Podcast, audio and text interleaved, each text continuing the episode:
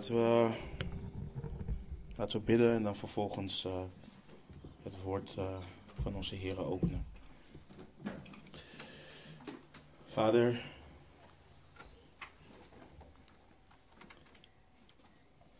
we komen voor uw aangezicht, Heer, en nogmaals bidden we, Heer, en vragen we u om uw genade dat u zult spreken door uw woord tot de harten van een ieder die hier vanmorgen is, Heer. Door de mensen die, tot de harten van de mensen die ook meekijken en meeluisteren. Vader, want uw woord is goed, Heer. Uw woord is heilig. Het is rechtvaardig, het, het bekeert de ziel, het geeft wijsheid, Heer. En het openbaart wie u bent, Heer. Dus doe een bovennatuurlijk werk, Heer. En spreek tot een ieder van ons vanmorgen. In Jezus' naam. Amen. Lieve broeders en zusters, dit is inmiddels onze vierde studie in de serie Een, uh, een Sterk Huis. We hebben nog niet eens inhoudelijk gehad over uh, thema's als bijbelse mannelijkheid en vrouwelijkheid. We hebben het nog niet eens gehad over het huwelijk, over wat het is, wat het doel is, hoe je je erop voorbereidt en wat de rol van een man en een vrouw is binnen het huwelijk.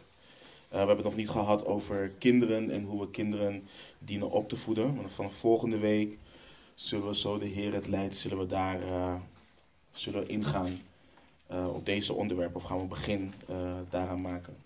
Maar de afgelopen weken zijn we voor, vooral bezig geweest met het leggen van een stevig fundament. We staan stil bij zaken die, die onmisbaar zijn.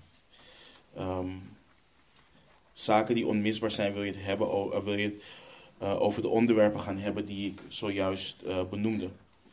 Uh, in onze eerste studie hebben we stilgestaan bij het feit dat we geschapen zijn naar het beeld, naar de gelijkenis van onze Heere God. We zagen daarin onze oorsprong, onze identiteit en ons levensdoel.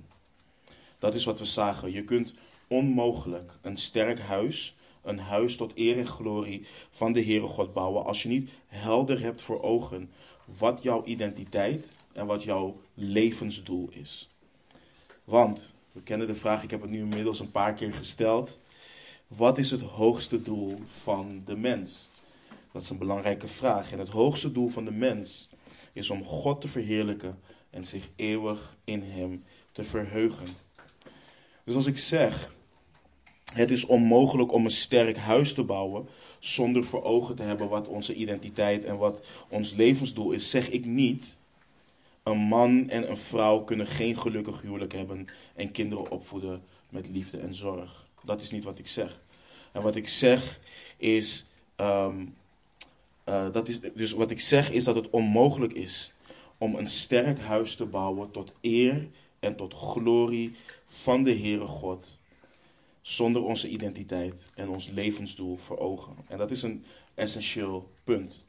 En waarom is het essentieel? Want de apostel Paulus schrijft in Colossense 3, vers 17: En alles wat u doet, alles wat u doet met woorden of met daden, doe dat alles in de naam van de Heere Jezus. Terwijl u God en de Vader dankt voor hem. Door hem, sorry. Alles wat u doet met woorden of met daden, doe dat alles in de naam van de Heere Jezus, terwijl u God en de Vader dankt door Hem. Aan de Corinthiërs schrijft de apostel Paulus in 1 Korinthe 10 vers 31, of u dus eet of drinkt of iets anders doet, doe alles tot eer van God. Dit is waarvoor wij leven. Dit is waarom wij leven. Om alles te doen tot eer van God om Hem te verheerlijken in en door onze Heer Jezus Christus. In onze tweede studie hebben we stilgestaan bij de zondeval. Het effect van de zondeval op het huis. Het feit dat we de Heere God niet verheerlijken als zijn beelddragers en dat we ten diepste als mensen verlossing nodig hebben. Want we hebben gezien dat de zondeval, de ongehoorzaamheid en rebellie van de mens de reden is voor alles wat het huis teistert. Iedere vorm, iedere vorm van oneenigheid, alle ruzie, alle afgunst, alle egoïsme, alle woede-uitbarstingen, alle overspel, alle scheiding, alle toorn opwekken van kinderen, het tergen van onze kinderen, komt voort uit onze gevallen natuur. Alles komt daaruit voort. Dus we hebben als mensen ten diepste verlossing nodig. Vorige week hebben we gezien dat er verlossing in hoop is. De wedergeboren discipel is vrijgemaakt. Vrijgemaakt van zonde. Geen slaaf meer van de zonde. De wedergeboren discipel is levend gemaakt met Christus. De ogen zijn geopend en hij is bekeerd van de duisternis tot het licht en van de macht van de Satan tot de macht van God. Dus de discipel van Christus is vergeven door geloof in Jezus. En is door de genade van de Heere God verzoend met God. En de Heilige Geest van de Heere God is in die discipel komen wonen. En omdat de Geest van God in ons woont, de geest van de heiliging, de geest van de waarheid, de trooster, de belofte gezonden door God, om zijn zoon te verheerlijken, zijn wij niet verplicht om naar het vlees te leven. We zijn niet verplicht om naar het vlees te leven. Paulus schreef in Romeinen 6, we lazen het vorige week na de dienst, maar Paulus schreef in Romeinen 6, vers 11 tot en met 14 het volgende. Hij schreef, zo dient ook u uzelf te rekenen als dood voor de zonde, maar levend voor God in Christus Jezus onze Heer. Laat de zonde dan niet in uw sterfelijk lichaam regeren om aan de begeerte daarvan te gehoorzamen.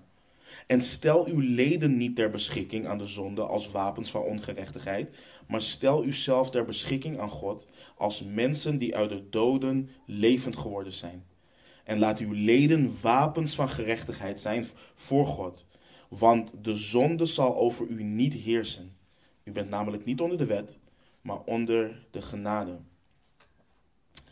Laat me nog even kort bij het volgende stilstaan. En wellicht heb ik het vorige week al gezegd en gedaan en herhaal ik het en zo niet, zeg ik het nu voor het eerst. Kijk, dit wat we hier lazen, of wat we hier lezen, schrijft Paulus aan hen die verlost zijn door de genade van God, door het geloof in Jezus Christus. Aan hen schrijft hij. Paulus schrijft hoe we dienen te denken, hoe we dienen te kijken, hoe we dienen te doen, hoe we dienen te handelen. Je dient jezelf als dood te rekenen voor de zonde. Je dient de zonde niet in je sterfelijk lichaam te laten regeren. Je dient je leden niet ter beschikking te stellen aan de zonde als wapen van ongerechtigheid. En Paulus maakt in vers 14 een statement. Hij zegt hoe het is. Hij stelt het als een feit. Hij stelt het niet als iets wat je moet doen om de gunst van de Heere God te verdienen. Hij stelt, hij stelt niet iets wat je moet doen waardoor je een christen zal zijn. Hij zegt dit als een feit over de christen in vers 14. De zonde zal over u niet heersen. U bent namelijk niet onder de wet, maar onder de genade. Dit is een feit. En waarom ik dit benadruk, benadruk. Kijk, je hebt sommigen, de liberalen, ze willen jullie misleiden door te zeggen dat je jezelf onder een juk plaatst wanneer je nog als vrijgekochte christen over zonde praat en je strijdt tegen de zonde. Ze zeggen dat het allemaal zwaar is, dat er geen vreugde is, dat er geen blijdschap is en dat je het allemaal zwaar maakt voor jezelf. En mijn antwoord, net zoals Paulus aan de Galaten schrijft, die zijn vervloekt. Broeders en zusters, wanneer de apostel Paulus in Romeinen 1 tot en met hoofdstuk 3 iedereen doemwaardig voor de Heere God presenteert, wanneer hij vers voor vers, zin voor zin, zijn zaak opbouwt, opdat elke mond gestopt wordt en in hoofdstuk 4 op diepgaande wijze probeert duidelijk te maken dat Abraham ook uit het geloof gerechtvaardigd was, niet door de wet, uit geloof. En hij vervolgens in hoofdstuk 5 begint met wij dan. Dat is hoe hoofdstuk 5 begint, wij dan. Hij heeft het dan over wij christenen dan. Wij die gerechtvaardigd zijn uit het geloof. En vanaf dat moment heeft hij het alleen in hoofdstuk 5. Al meer dan 15 keer over de zonde. In hoofdstuk 5, in de vorm van overtredingen, ongehoorzaamheid en gezondig. Dat zijn de woorden die hij onder andere gebruikt. Hij heeft het over toorn, hij heeft het over verdoemenis. In hoofdstuk 6 komt alleen het woord zonde al 16 keer voor. En hij heeft het continu aan christenen over het feit dat zij zich niet moeten inlaten met zonde. Dat ze gestorven zijn voor de zonde. En laat me jullie alsjeblieft duidelijk maken, broeders en zusters. Wij zijn vrij. We zijn vrij. Een ieder, geen uitzondering. Ieder die wedergeboren is, is vrij. Volledig vrij. De zonde heeft geen macht meer over die persoon. Het staat er gewoon. Maar ook staat er dat we niet, dat we ons moeten blijven onthouden van zonde. Het staat er. Hij schrijft dat aan christenen. Dus laat die liberalen hen die de genade van de Heere God minimaliseren, het veranderen tot losbandigheid, laat die vervloekt zijn. Laat ze vervloekt zijn. Dit leven als een christen is een heilig leven. Het is een heilig leven op iedere manier wat we, maar, wat we ons maar kunnen bedenken. We dienen lief te hebben op heilige wijze.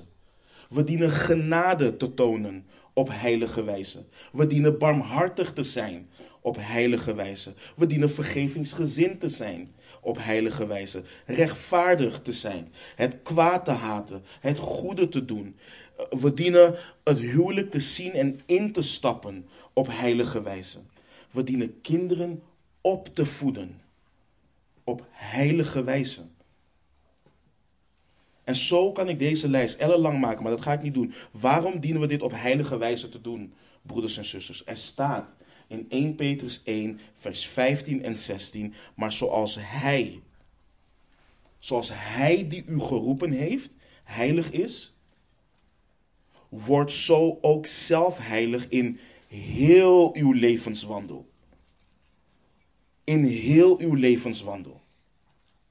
Want er staat geschreven, wees heilig, want ik ben heilig. Broeders en zusters, besef alsjeblieft dat dit niet aan hen is geschreven die onder de wet zijn, maar zij die vrijgemaakt zijn. Aan ieder die op eenvoudige wijze en zonder ontzag kan spreken over het feit dat we vrijgemaakt zijn, maar hen wettisch noemt, die oproepen tot een heilig leven, in onze heilige zaligmaker is zelf nooit vrijgemaakt. Laat hen je niet ontmoedigen. Laat hen je niet verdoemen. Laat hen je niet doen denken. Maar ben ik te radicaal? Ben ik te heilig? Neem ik mijn God te serieus? Mensen, het bestaat niet hier dat we God te serieus kunnen nemen. God is oneindig heilig. Dus wees heilig. Amen. Nu, broeders en zusters. Vandaag wil ik met jullie kijken naar een ander belangrijk fundament. Dit is onmisbaar voor iedere discipel van de Heer Jezus. En dat is de vrezen des Heren. De vrezen des Heren. We gaan bij een hoop versen stilstaan. Maar ik wil jullie als eerste vragen om te gaan naar het welbekende vers Spreuken 1, vers 7. Let op wat Salomo schrijft onder de leiding en inspiratie van de Heilige Geest. Zie wat hij schrijft met de wijsheid van de Heere God. Spreuken 1, vers 7 lezen we. De vrezen des Heren is het beginsel van de kennis. Dwazen verachten wijsheid en vermaning. De vrezen des Heren is het beginsel van de kennis. Dwazen verachten wijsheid en vermaning. Wat hebben wij allemaal als mannen, vaders, vrouwen, moeders, zonen, dochters, opa's en oma's nodig? We hebben kennis nodig. We hebben inzicht nodig. We hebben wijsheid nodig. En niet naar en van de mens. We hebben goddelijke kennis, goddelijk inzicht en goddelijke wijsheid nodig. Willen we leven naar de wil van onze Heer en zaligmaker. En ik wil vandaag met jullie naar vier punten kijken. 1. Wat is de vrezen des Heren? Wat is de vrezen des Heren? 2. Naar de absolute noodzaak voor de vrezen des Heren. 3. Hoe uit de vrezen des Heren zich? En 4. Hoe groeien we in de vrezen des Heren? Dus 1. Wat is de vrezen des Heren? 2 de absolute noodzaak voor de vrezen des Heren. Drie, hoe uit de vrezen des Heren zich. En vier, hoe groeien we in de vrezen des Heren. Dus laten we het vers weer, lezen. Daar lezen we. De vrezen des Heren is het beginsel van de kennis. Dwazen verachten wijsheid en vermaning. En voordat, voordat we uh, kijken naar de, wat de vrezen des Heren is, wil ik in ieder van jullie vragen of je ervan overtuigd bent dat je een godvrezende man of een godvrezende vrouw bent. Vrees jij de Heere God? Want als je om je heen kijkt, als je goed om je heen kijkt en als je goed om je heen luistert, dan zie je en hoor je dat er weinig wordt gesproken over het vrezen van de Heere God. Het vrezen van de Heere God is voor velen iets wat puur en alleen aan het Oude Testament verbonden is. Het is verbonden aan de wet voor velen. De gedachte die mensen erbij krijgen is vaak iemand die doodsbang in een hoekje voor de Heere God zit te sidderen en beven. Beleidende christenen denken vaak aan hen die alleen de Statenvertaling lezen of alleen de King James Version uh, lezen.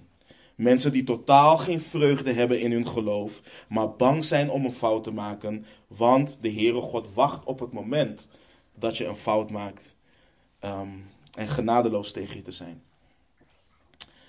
Dat is wat er tegenwoordig veel wordt gedacht als het gaat om de vrezen des Heren.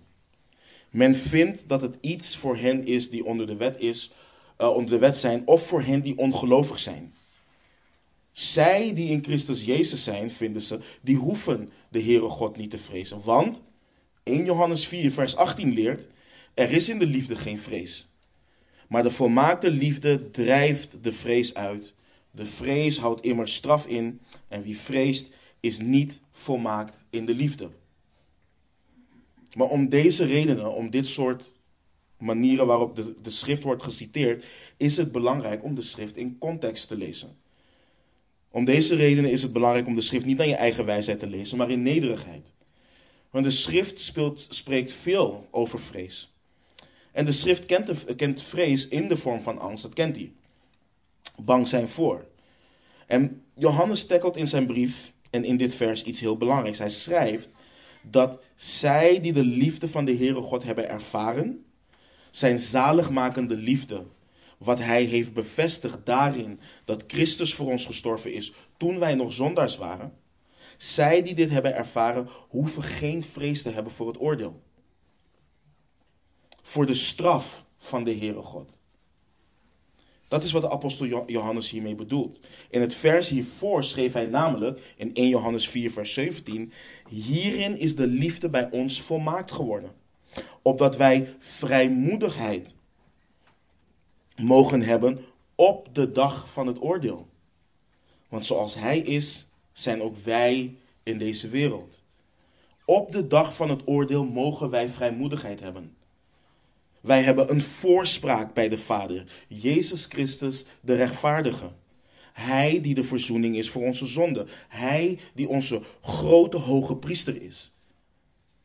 En ieder die wedergeboren is, hoeft geen vrees te hebben op die manier. Wij hebben vrijmoedigheid in en door Jezus Christus, onze Heer. Onze Heer heeft onze ongerechtigheden uh, weggenomen. En zoals we ook in Zacharias kunnen lezen, zal Hij ons feestkleren aantrekken. Is het dus gegrond om te zeggen dat de vrezen des Heren iets is wat alleen voor het Oude Testament was en voor hen die ongelovig zijn. En laten we vooropstellen, zij die ongelovig zijn, zij die niet geloven in de Heer Jezus Christus, zij die zich niet buigen voor de Heere God, zij hebben veel om te vrezen. Ze hebben veel om te vrezen. Maar voor ons die vrijgekocht zijn met het bloed, is die stelling wat, hen, wat zij maken, is ongegrond. Ga in je Bijbel alsjeblieft naar Handelingen 9. En dan lezen we in Handelingen 9, vers 31 het volgende. De gemeenten dan in heel Judea, Galilea en Samaria hadden vrede en werden opgebouwd. En let goed op wat er staat. En zij wandelden in de vrezen des Heren en de vertroosting door de Heilige Geest en namen in aantal toe. Dit is geen wet. Dit is geen wet. Dit is niet het Oude Testament. En dit zijn geen ongelovigen. Lucas schrijft onder leiding van de Heilige Geest dat de gemeenten, de kerken, vrede hadden. En dat de gemeenten, de kerken, wandelden in de vrezen des Heren. In het Grieks kun je ook wel zeggen, als je het vertaalt, zij leefden in de vrezen des Heren. Maar ga nu in je Bijbel alsjeblieft naar 2 Korinthe, vers 7.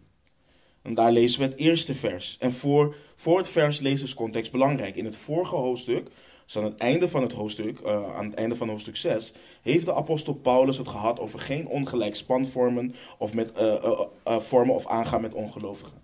Dan zegt hij dat de Heere God heeft gezegd, ga daarom uit hun midden weg en zonder u af, zegt de Heer, en raak het onreine niet aan, en ik zal u aannemen, en ik zal u tot een vader zijn. En u zult mij tot zonen en dochters zijn, zegt de Heere de Almachtige. Dat is belangrijk, want in hoofdstuk 7, vers 1 lezen we het volgende. Omdat wij dan deze beloften hebben, geliefden, laten wij onszelf reinigen van alle bezoedeling van vlees en geest en de heiliging volbrengen in wat? In het vrezen van God. In het vrezen van God.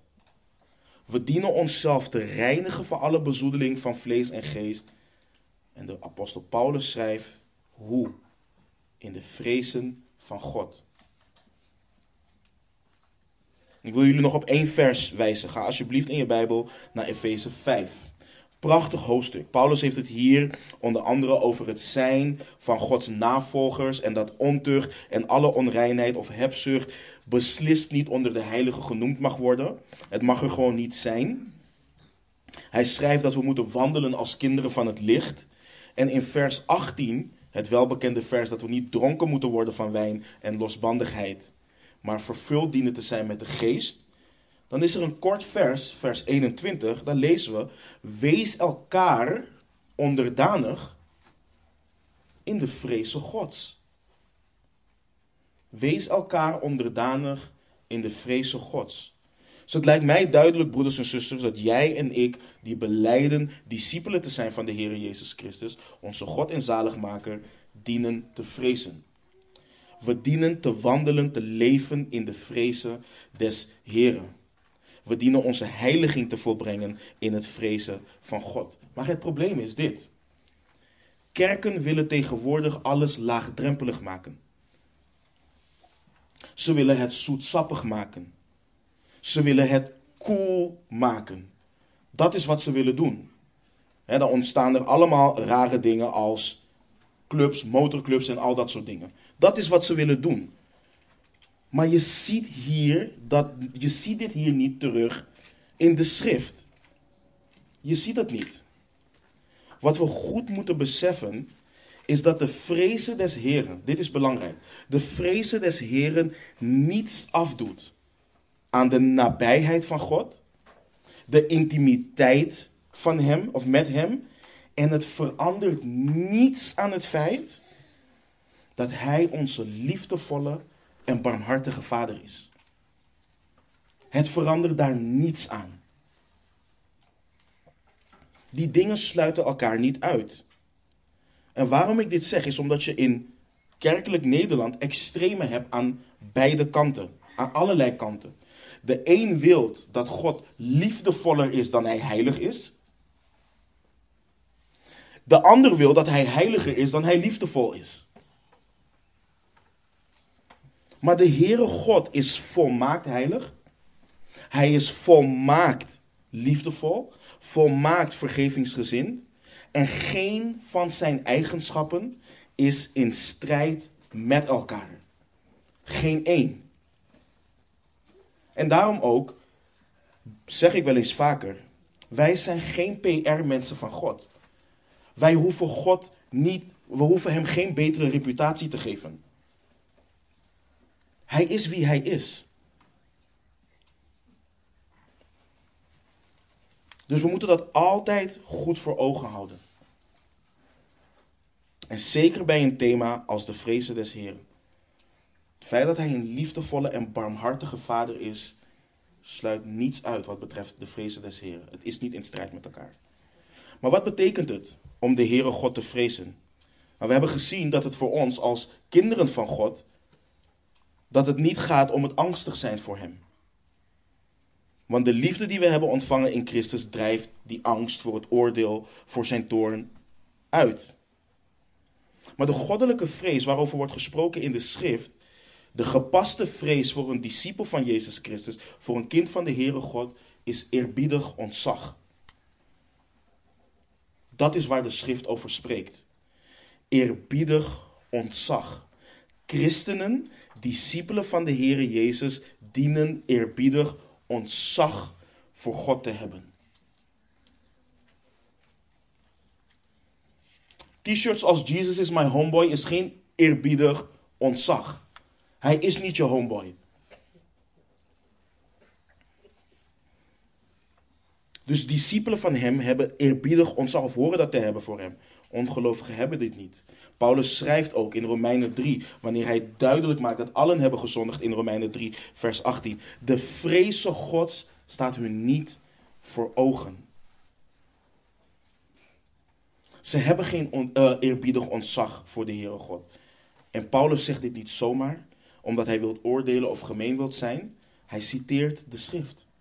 Hij citeert Psalm 36, vers 2, waar David schrijft: De overtreding van de goddeloze spreekt binnen in mijn hart.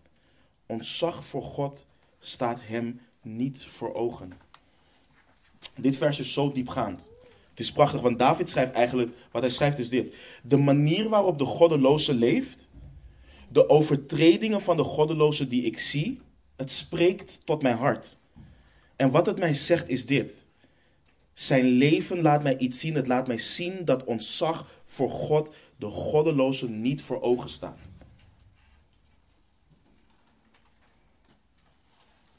Het is bijzonder en een verademing dat David dit weet te schrijven zonder bang te zijn dat hij bekrompen of, veroordeel, of veroordelend wordt genoemd. David schrijft gewoon de conclusie van wat hij ziet. Dat is gewoon wat hij doet. De manier waarop de goddeloze leeft, zijn overtredingen laten zien. Hij heeft geen ontzag voor de Heere God. Hij vreest God niet.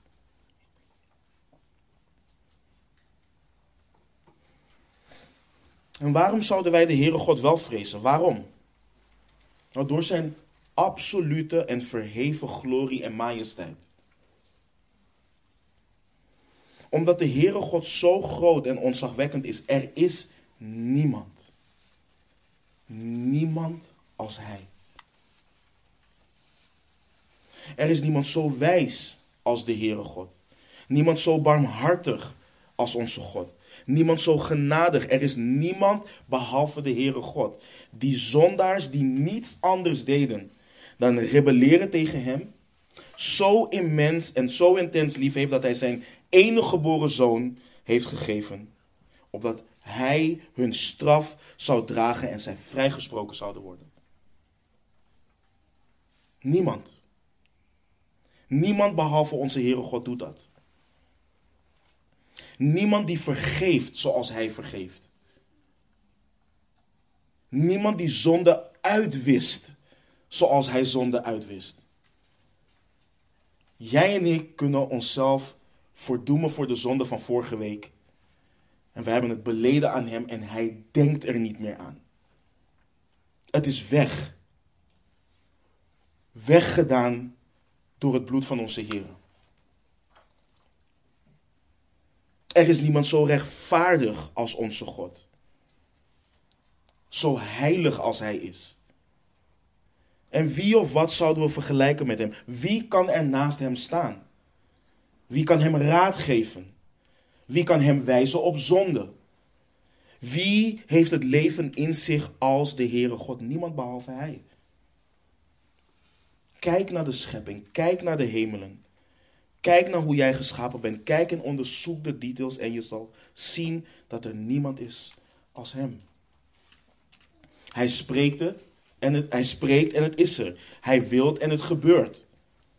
En wie regeert er met zoveel macht en heerst er zo soeverein als de Allerhoogste God?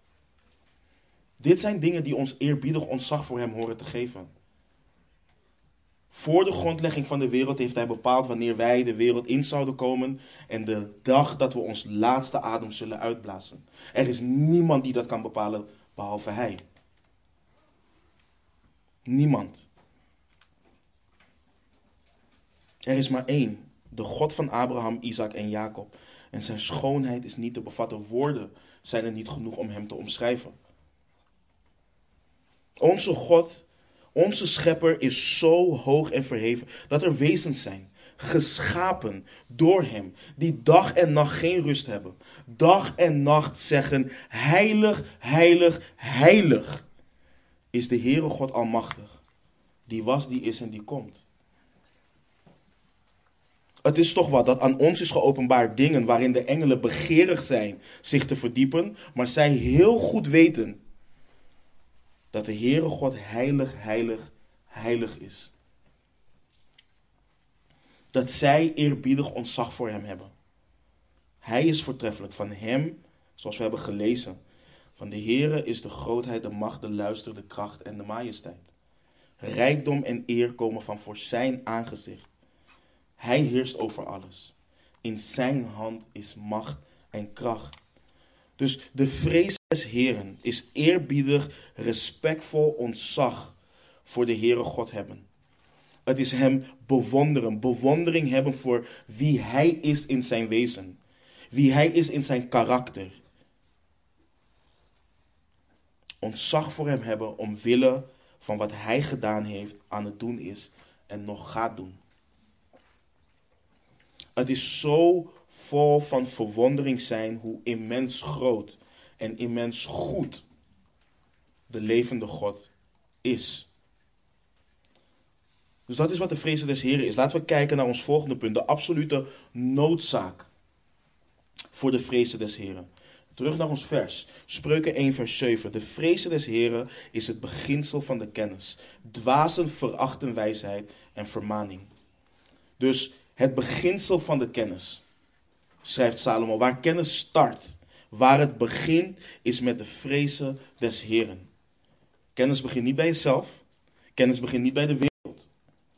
De vrezen des Heren is het beginsel van de kennis. En vers 7 is een, een climax van wat we lezen. En als het ware is dit het sleutelvers van heel spreuken. In vers 1 lezen we om bekend te worden met wijsheid en vermaning. Om woordenvol inzicht te begrijpen. En Salomo bouwt zin na zin, bouwt hij het op. En in vers 7 bereikt hij het hoogtepunt. En laat zien dat het voor ons, voor ons mensen, een absolute noodzaak is.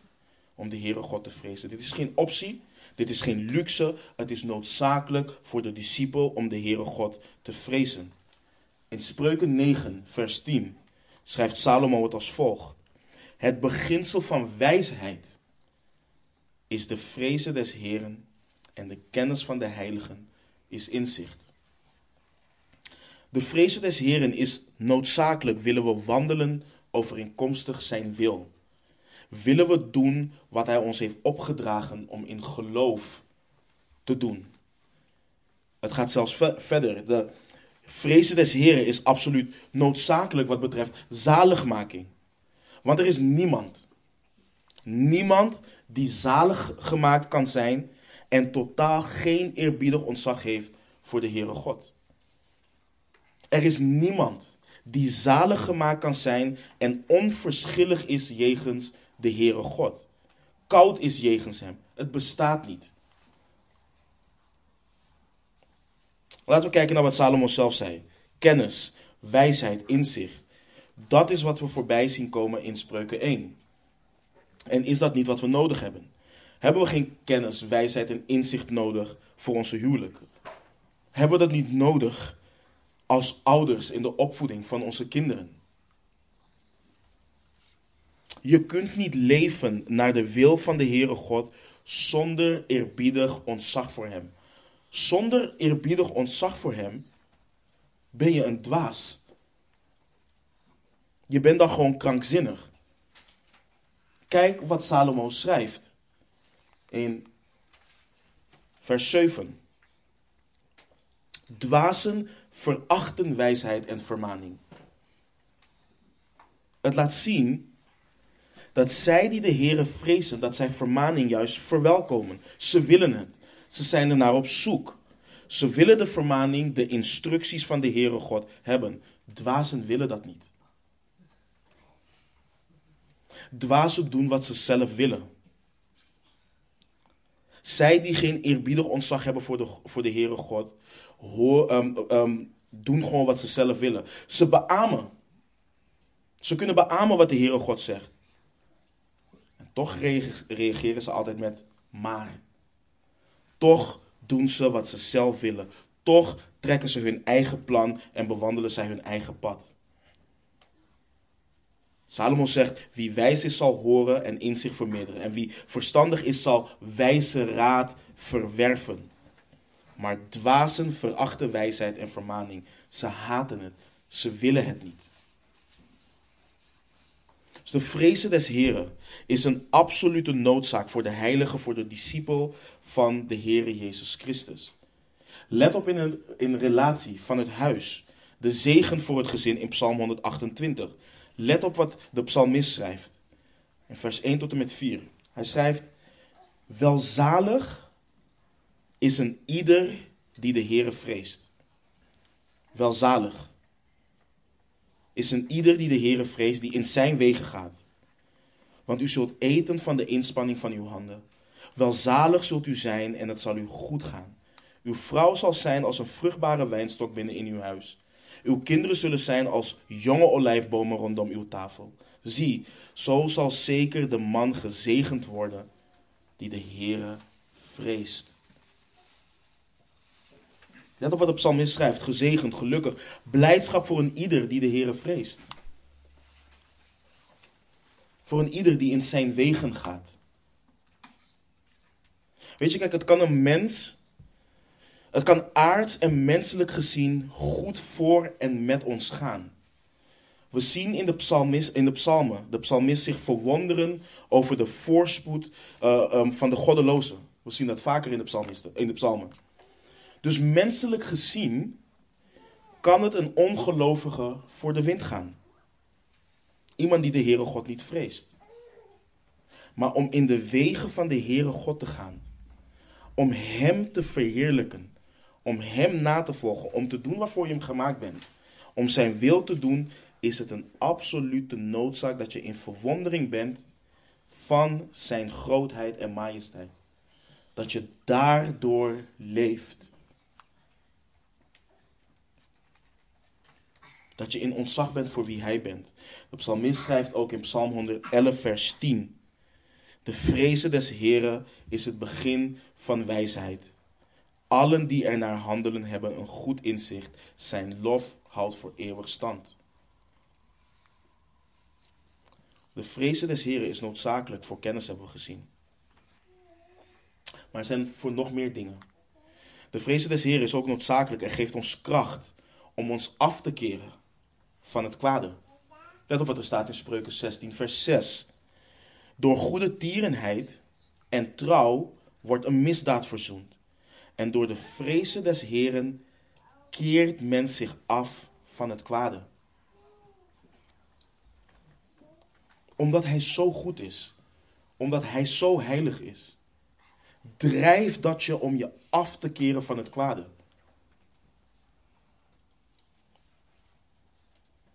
Mensen die wandelen in het kwaad, zich verheugen in het kwaad, zich continu inlaten met het kwaad, die hebben niet de vrezen des Heren. Want door de vrezen des Heren, door eerbiedig ontzag voor hem, keert men zich af van het kwade. De vrezen des Heren is ook noodzakelijk voor tevredenheid. We hebben bij tevredenheid stilgestaan in Filippenzen. Waarom was Paulus tevreden in en door onze Heer Jezus Christus? Hij had eerbiedig ontzag voor hem. Maar let ook op wat er staat in Spreuken 15, vers 16. Beter is weinig met de vrezen des Heren dan een grote schat met verwarring erbij. Beter is weinig met de vrezen des Heren dan een grote schat met verwarring erbij. Laten we nog een hoofdstuk teruggaan, in hoofdstuk 14. We zien daar dat de vrezen des Heren leven geeft. Spreken 14, uh, vers 27. De vrezen des Heren is een bron van leven om de strikken van de dood te ontwijken. De vrezen des Heren is een bron van leven om de strikken van de dood te ontwijken. Maar de vrezen des Heren is ook een absolute noodzaak. Wil je de goedheid van de Heere God ervaren? Psalm 31, vers 20. Hoe groot is uw goed dat u weggelegd hebt voor wie u vrezen. Dat u bereid hebt voor wie tot u de toevlucht nemen ten aanschouwen van de mensenkinderen. Psalm 31, vers 20 of Psalm 147, vers 11. De Heere is goedgezind voor wie hem vrezen en op zijn goede tierenheid hopen. Hij heeft zijn goed weggelegd, zijn goedheid weggelegd. Het is beschikbaar voor hen die hem vrezen, voor hen die eerbiedig ontzag voor hem hebben. Dit zijn beloften die we lezen. En als laatste, en er zijn er veel meer, maar als laatste voor nu. De vrezen des Heren is een absolute noodzaak voor de persoon die de weg wilt gaan of de weg wilt kiezen van de Heere God. Let op Psalm 25, vers 12. Wie is de man die de Heere vreest? Hij onderwijst hem in de weg die hij moet kiezen.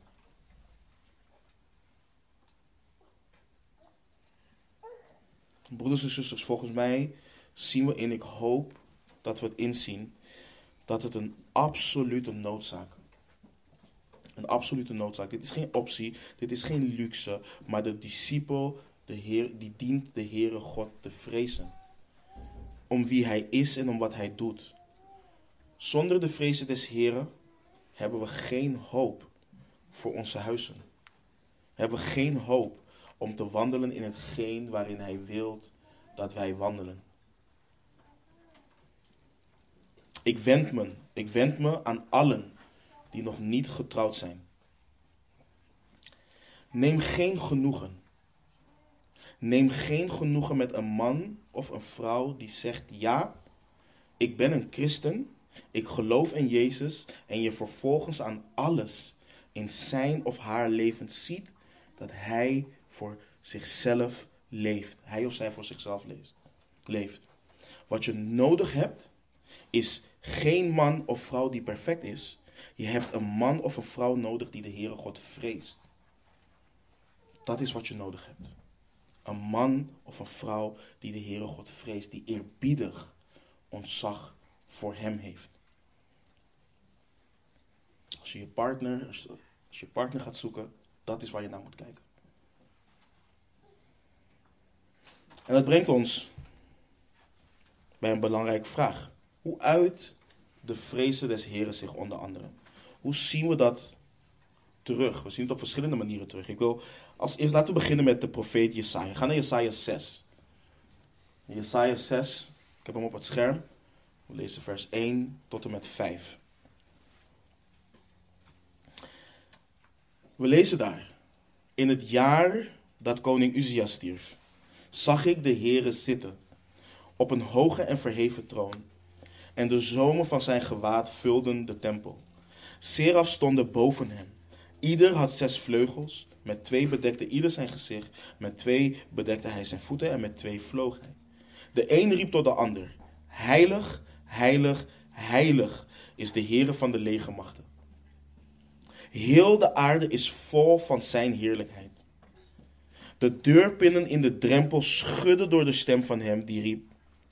En het huis vulde zich met rook. Toen zei ik, dus Jesaja, wee mij, want ik verga. Ik ben immers een man met onreine lippen en woon te midden van een volk met onreine lippen. Mijn ogen hebben namelijk de koning, de Heere van de legermachten gezien. Dit is zo ontzagwekkend. Wat, wat zie je bij Jesaja? Wat is zijn reactie? Wee mij, ik verga. Ik ben een man met onreine lippen. Jesaja zag de koning, de Heere van de legermachten. Hij zag hem zitten op een hoge en verheven troon. Hij kreeg een glimp van zijn majesteit en wat deed het hem inzien? Zijn eigen onwaardigheid. Zijn eigen staat ten opzichte van de hoog en verheven koning. En misschien denk je in je hart, ja maar, dit is het Oude Testament. Daar was de Heere God nog eng. Daar was hij altijd boos. Je kon niets anders dan zo reageren. Maar wat is de reactie van de, Heere, van de, van de apostel Petrus op de Heere Jezus in Lucas 5? Ze hebben de hele nacht lopen vissen. De hele nacht.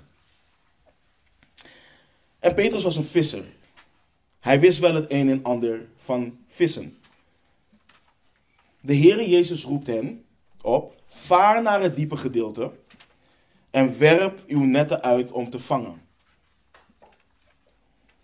En toen zij dat deden en zij een immens grote hoeveelheid aan vissen hadden gevangen, zo groot dat hun net begon te scheuren, lezen we in Lucas 5, vers 8. Toen Simon Petrus dat zag, viel hij neer voor de knieën van Jezus en zei: Heere, ga weg van mij, want ik ben een zondig mens. Dit is Nieuw Testament, lieve mensen. Dit is de Heere Jezus, waar hij zo voor neervalt en zijn eigen staat door inziet. Maar dan kan je nog zeggen, ja oké, maar de Heere Jezus was nog niet gestorven en verrezen. Maar bij de apostel Johannes zien we het ook in het boek Openbaring. We zien daar in hoofdstuk 1 iemand, dat hij iemand zag die op de zoon des mensen leek. Gekleed in een gewaad tot op de voeten en op de borst omgord met een gouden gordel. En zijn hoofd en haren waren wit als witte wol, als sneeuw. En zijn ogen waren als een vuurvlam en zijn voeten waren als blinkend koper, gloeiend gemaakt in een oven. En zijn stem klonk als het geluid van vele wateren. En hij had zeven sterren in zijn rechterhand en uit zijn mond kwam een tweesnijdend scherp zwaard. En zijn gezicht was zoals de zon schijnt in haar kracht. Wat gebeurde er toen Johannes hem zag? Ga naar openbaring 1 vers 17 en dan zie je, ik heb hem niet op het scherm, toch? Nee. En toen ik hem zag, viel ik als dood aan zijn voeten. Toen ik hem zag, viel ik als dood aan zijn voeten. Gestorven, begraven, opgewekt, opgevaren naar de hemelen. Verheerlijkt. Als de Heer Jezus zichzelf nu aan ieder van ons zou laten zien, hier en nu, zouden we allemaal wegkwijnen. Niet van angst, maar van zijn glorie en zijn majesteit. Zo glorieus is Hij. Zo glorieus is Hij. We zouden wegkwijnen van hoe groot en wonderbaarlijk Hij is. Hoe heilig en smetteloos Hij is. En broeders en zusters, waar we naartoe werken, dit is hoe het zich uit. In aanbidding. Het uitzicht in aanbidding. In het neerbuigen in ons hart voor Hem. Ons leven aan Hem wijden als eerbetuiging tot Hem leven om Hem eer te, uh, te bewijzen. Dat is hoe dit zich uit. Dat is hoe de vrezen des Heren zich uit. Het uitzicht niet in oppervlakkigheid. Het uitzicht niet in onverschilligheid. Het uitzicht niet in we gaan hier met vlaggen lopen wapperen en al dat soort dingen. Dat is niet hoe dat zich uit. Het uitzicht in het acht slaan op het grote gebod. Wat is het grote gebod? In Matthäus 22, vers 37 en 38 lezen we het. U zult de Heere uw God liefhebben. Liefhebben. Met heel uw hart, met heel uw ziel en met heel uw verstand. Dit is het eerste en het grote gebod. Dat is hoe dit zich uit. Maar nu is de vraag die we onszelf moeten stellen. Want er bestaat veel verwarring. Hoe uit liefde zich dan? Hoe uit het liefhebben van hem zich? Maar we hebben hier veel bij stilgestaan, maar we moeten het herhalen. Ik zet drie versen uit Johannes 14 onder elkaar op het scherm. Maar voor de mensen die meeschrijven, die, die heb ik niet op het scherm, schrijf ook Johannes 15 vers 10. Johannes 15 vers 10 en 1 Johannes 5 vers 3 op. Maar laten we de drie versen uit Johannes 14 lezen. Johannes 14, vers 15, vers 21 en vers 23. Ik hoop dat het een beetje overzichtelijk is. Het eerste, Johannes 14, vers 15. Onze Heere spreekt. Als u mij lief hebt. Dus terug, hè. U zult de Heere uw God lief hebben. Met heel uw hart, met heel uw ziel en met heel uw verstand. Nu zegt de Heere Jezus. Als u mij lief hebt, neem dan mijn geboden in acht.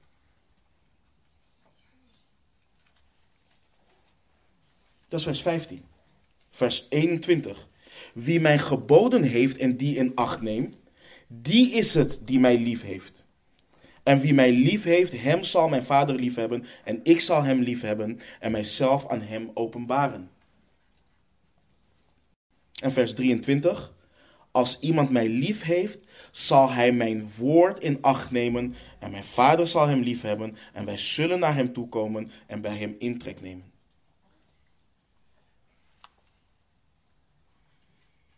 Lieve broeders en zusters, dit, dit draait niet om mij, maar er is niemand, niemand die mij kan overtuigen dat hij of zij de Heere God lief heeft, dat ze eh, liefde hebben voor de Heere Jezus en in ongehoorzaamheid leven aan zijn woord. Niemand. Die persoon liegt en misleidt zichzelf. Liefde voor de Heere Jezus uit zichzelf in gehoorzaamheid. Niet in onverschilligheid, niet in oppervlakkigheid, niet in het onverschillig en oppervlakkig omgaan met de genade die ons ten dele is gevallen.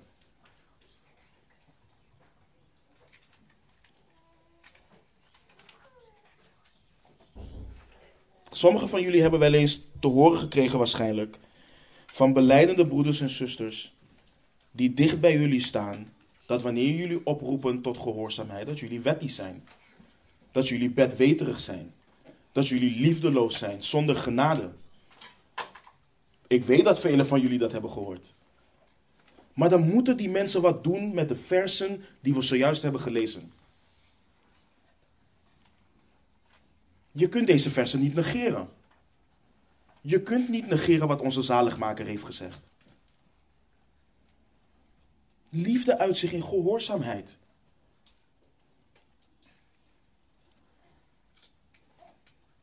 Het is dus alleen in, in eerbiedig ontzag voor Hem, met de vrezen des Heren, wat ons drijft om Hem lief te hebben, wat zich uit in gehoorzaamheid aan Hem, wat ons in staat stelt om sterke huizen te bouwen tot eer en glorie van onze God. Dat is de enige manier. Want dat drijft mij als man om mezelf te verloochenen en mijn vrouw lief te hebben zoals ik dat moet doen. En dat drijft jou als vrouw om jezelf te verloochenen en je man lief te hebben zoals dat moet. Dat drijft jou om je kinderen op te voeden in de vrezen des Heren. Ik dien me te realiseren, te beseffen dat Hij alle wijsheid geeft. Dat Hij zijn wil kenbaar heeft gemaakt wat betreft het huis Dat hij kenbaar heeft gemaakt wat het huwelijk is, waartoe het huwelijk is. Hoe ik me op het huwelijk voorbereid en hoe ik in het huwelijk dien te zijn. En ik dien me te beseffen dat wat hij daarover heeft geopenbaard, hij dat heeft geopenbaard en bepaald naar zijn soevereine wil. En dat zijn soevereine wil goed is. En dat het naar zijn wijsheid en alwetendheid is. En als ik eerbiedig ontzag heb voor hem, dan ga ik met geen van deze thema's zelf aan de haal. Met geen van deze thema's kan ik dan mijn eigen plan trekken. Met geen van deze thema's ga ik risico's nemen, maar schik ik me in liefdevolle gehoorzaamheid aan zijn wil. Dat is hoe de vrezen des Heren zich onder andere uit. Ik verzaak alle wijsheid, of laat me het zo zeggen zoals het is, ik verzaak alle dwaasheid van de wereld. Ik verzaak mijn eigen ideeën, ik verzaak mijn eigen gevoel en richt me op Hem. Weten jullie welk vers we ten harte moeten nemen, vooral wanneer het gaat om het huis? Want in het huis kunnen we echt in paniek raken. Wanneer ons man, ons vrouw niet doet wat hij moet doen, wanneer onze kinderen niet doen wat we moeten doen, wat ze moeten doen, dan raken we gewoon in paniek. En we moeten het vers in gedachten nemen, acht slaan op wat er staat. Geef het op en weet dat ik God ben. Niet op charismatische wijze, begrijp me niet verkeerd. Maar gewoon wat hij zegt. Geef het op en weet dat ik God ben. Dat is wat we moeten doen. Het opgeven en weten dat hij God is. We dienen achter te slaan op wat er bijvoorbeeld in Psalm 147, vers 5 is. Staat. Onze Heere is groot en geweldig in kracht. Zijn inzicht is onmetelijk. Velen van ons zitten in bepaalde situaties. Wellicht een ongelovige partner, uh, opstandige kinderen, uh, problemen in het huwelijk. Wend je tot Hem. Zijn inzicht is onmetelijk. Hij is groot en geweldig in kracht.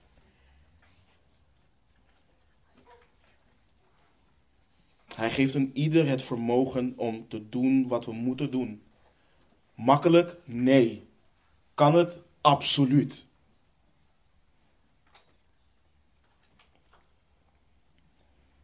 We moeten ons wijden aan de Heere God. Zoals Paulus schrijft in Romeinen 12, vers 1. Ik roep u er dan toe op, broeders, door de ontfermingen van God, om uw lichamen aan God te wijden als een levend offer, heilig en voor God welbehagelijk. Dat is uw redelijke godsdienst. Dat is wat we moeten doen. Dat is wat we moeten doen. Als de vrezen des Heren ons echt voor ogen staat, dan nemen we het woord van God serieus dan nemen we serieus als mannen. Mannen, alsjeblieft, dan nemen we het serieus. Dat we onze vrouwen dienen lief te hebben zoals Christus de gemeente heeft liefgehad. We moeten dat doen. Dit is geen optie.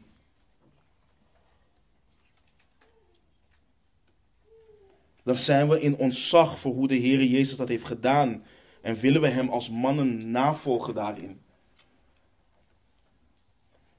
Als de vrezen des Heren ons echt voor ogen staat, dan nemen Godvrezende vrouwen Gods woord serieus als de Heere God oproept.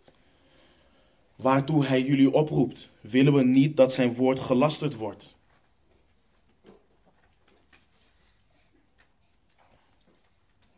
Als de vrezen des Heren ons voor ogen staat, dan eren we onze ouders. We gehoorzamen hen. Als de vrezen des Heren ons voor ogen staat, dan wekken we geen toorn op bij onze kinderen, maar voeden we hen op in de onderwijzing en terechtwijzing van de Heer. Als ik het dus moet samenvatten, uit de vrezen des Heren zich in een diep besef van onze staat in het licht van de wonderbaarlijke majesteit van onze God, buigen we ons neer in aanbidding en hebben we Hem lief met heel ons hart, met heel ons ziel, met heel ons kracht en heel ons verstand, wat zich uit in toewijding en vreugdevolle gehoorzaamheid aan Hem.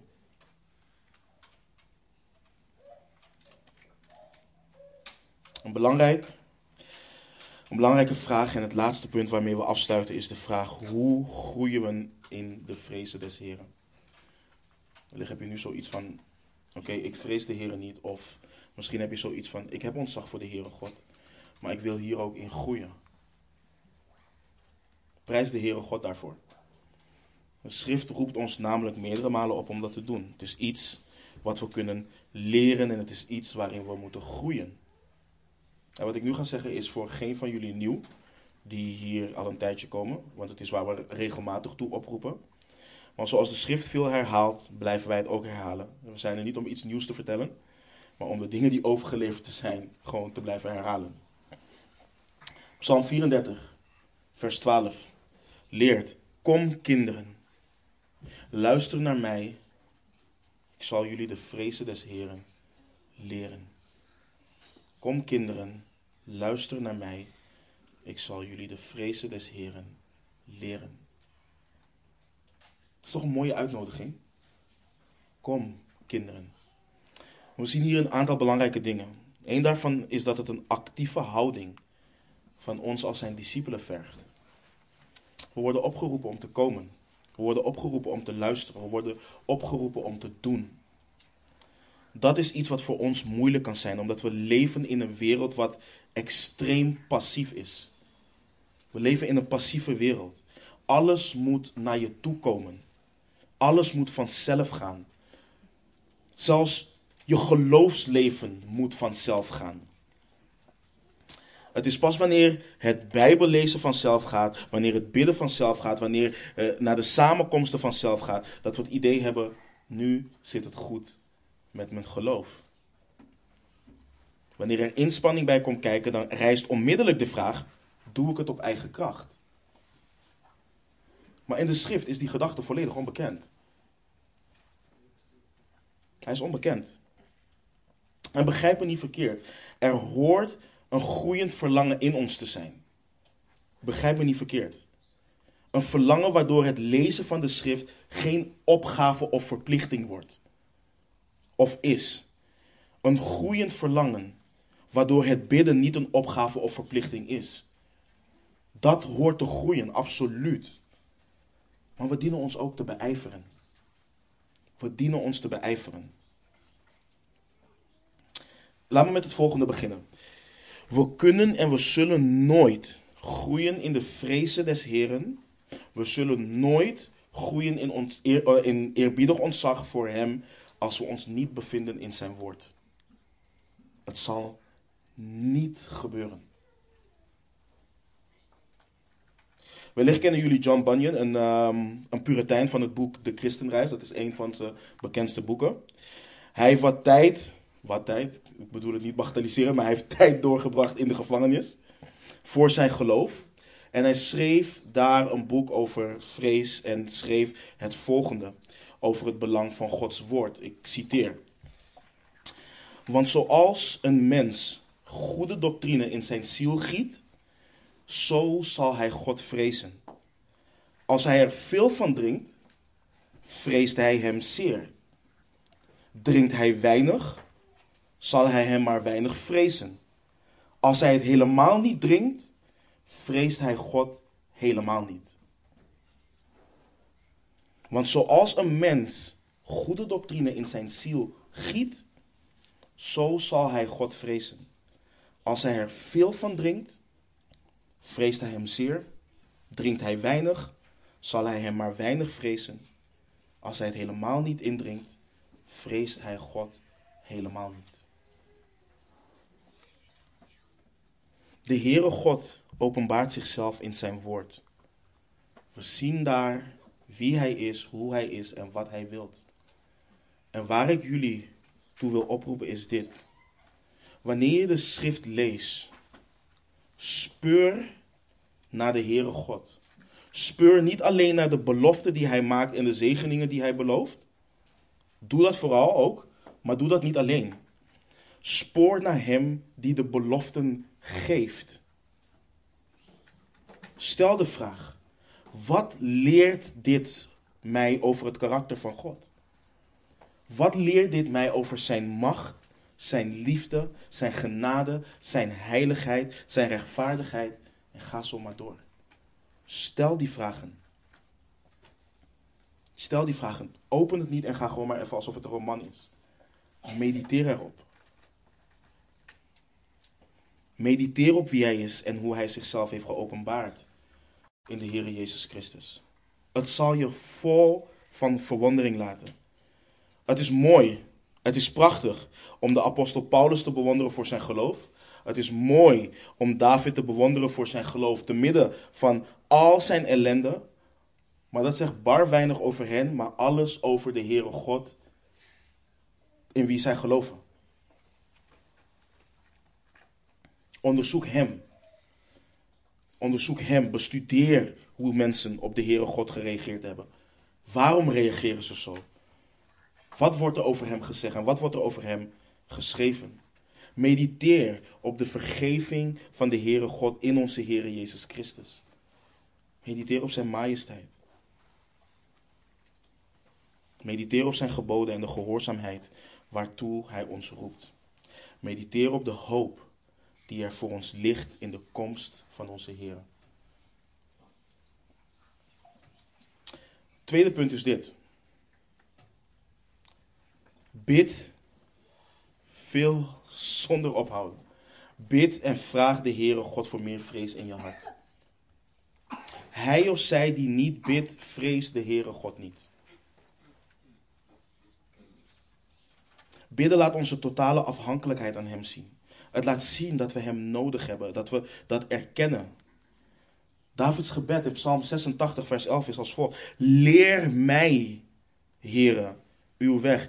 Ik zal in uw waarheid wandelen. Maak mijn hart één om uw naam te vrezen.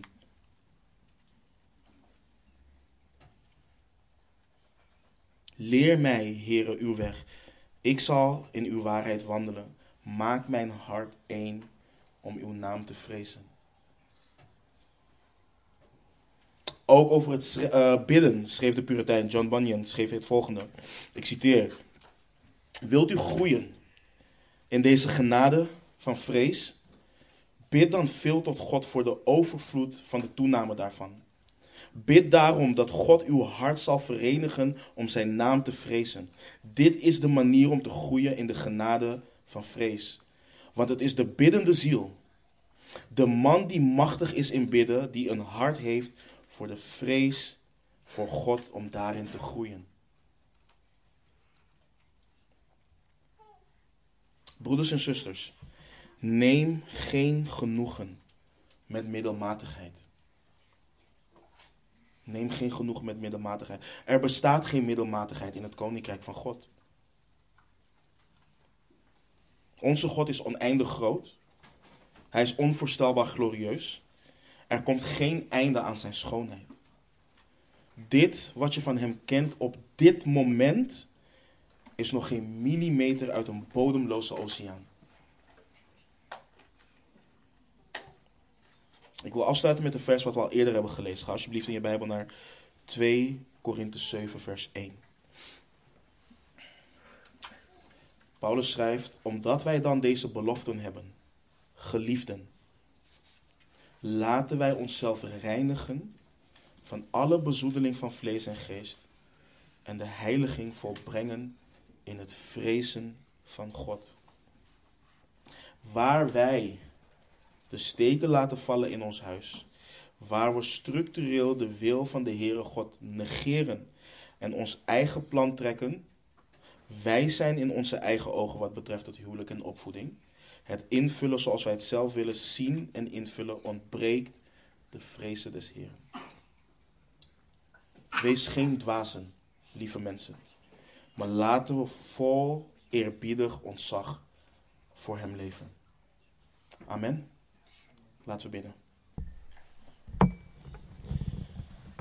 Heer, maak ons hart één om uw naam te vrezen, Heer. U kent het hart van een ieder van ons. U weet hoe wij in ons geloofsleven wandelen. U weet wat wij nodig hebben. U weet waar wij struikelen en Vader, wat zijn we u dankbaar voor uw geduld en uw genade en uw barmhartigheid met ons. Dat u ons niet laat liggen, Heer, maar dat u zich ontfermt over ons. Ons vergeeft en ons zo diep lief hebt, Heer. Maar nogmaals, maak ons hart één om uw naam te vrezen. We houden van u. We danken u. In de naam van Christus Jezus onze Heer. Amen.